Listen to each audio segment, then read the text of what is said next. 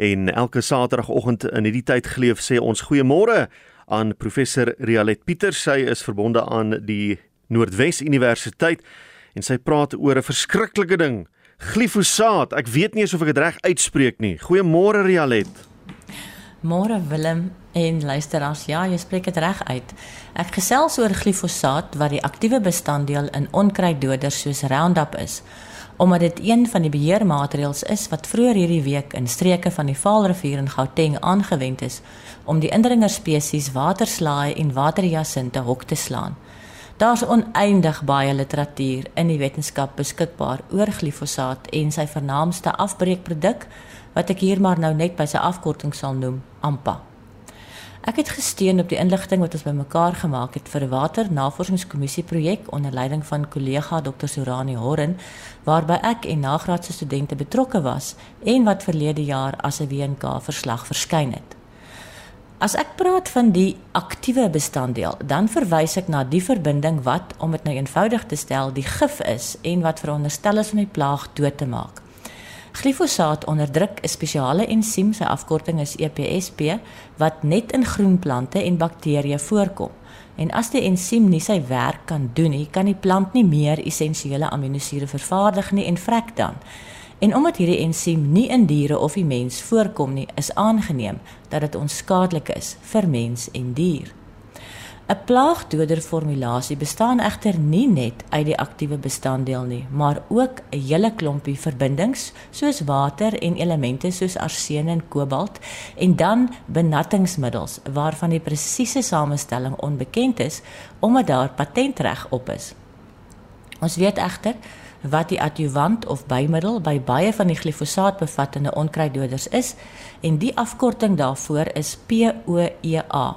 Maar op sy eie is POEA al as toksies bewys. Glifosaatbevattende plaagdoders is die wat die meeste in die wêreld gebruik word, ook hier in Suid-Afrika. Aanvanklik kon die mielie en sojaboonboere dit net gebruik voordat hulle gewasse opkom, want anders maak dit jou gewasse wat groen plante is ook dood. Maar toe ontwikkel Monsanto en ander saadmaatskappye mielies en sojabone wat geneties gemodifiseer is sodat die gewasse self weerstandig is teen die glifosaat en nou kan mens meer dikwels jou gewasse bespuit. Kollegas aan die Universiteit van die Vrystaat het in 2021 inligting oor die konsentrasie glifosaat in Suid-Afrikaanse kos gepubliseer. Hulle het bevind dat 2/3 van die 81 mielie en soja bevattende produkte wat in 2015 op ons supermarkte se rakke gevind is, glifosaat bevat. Behalwe vir een produk was nie een van die konsentrasies hoër as die toelaatbare maksimum residu vlak van 2 mg per kilogram nie. Paul Mensa en kollegas van die Universiteit van Rhodes het reeds in 2013 waterkwaliteit riglyne vir ons land voorgestel in 'n publikasie in 'n wetenskapjoernaal. Hulle het 8 inheemse akwatiese dierspesies aan die konsentrasies wat tipies op 'n land gespuit sou word, blootgestel in twee soorte eksperimente. 'n Blootstellingstyd korter as 4 dae en 'n langer blootstellingstyd van 21 dae. Hulle het bereken dat vir kort blootstellingstyd die konsentrasie van hierdie bepaalde Roundup formulasie, dis wat hulle getoets het, nie meer mag wees as 'n kwart milligram per liter water nie en vir die langer blootstellingstyd nie meer as 2 mikrogram per liter nie. Daar is steeds geen riglyne vir die maksimum konsentrasie glifosaat in ons riviere en damme nie. Die Wêreldgesondheidsorganisasie het reeds in 2015 glifosaat geklassifiseer as 'n waarskynlike kankervormer in die mens. En ons eie Kansa het in 2021 dit ook so gekategoriseer. Nou, daar's baie werk in vitro gedoen waar die nadelige effek van glifosaat en glifosaatbevattende plaagdoders bewys is. En hierdie soort werk is handig om die meganisme van hoe die verbinding skade aanrig te bestudeer. Maar dit beteken nie noodwendig skade aan 'n heel organisme nie. Die in vitro werk word dikwels op selle en petribakkies gedoen en al is die selle afkomstig van mense of diere, is dit steeds nie die heel organisme nie. Maar ek wil uitkom by bewyse dat glifosaat en glifosaatbevattende verbindings wel skade aan diere aanrig. Zebravissies is aan 'n kommersiële glifosaatformulasie blootgestel en ook aan net glifosaat, net AMPA en net POEA. En die glifosaat in AMPA het geen akute toksisiteit getoon nie, waar die formulasie het by 76.7 mg per liter die helfte van die visse laat vrek het en die POEA by so min as net 5.5 mg per liter.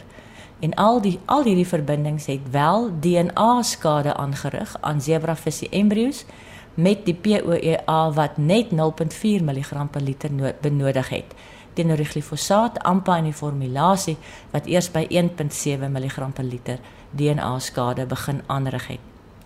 Hierdie navorsing is in 2019 deur Brasiliese navorsers gepubliseer.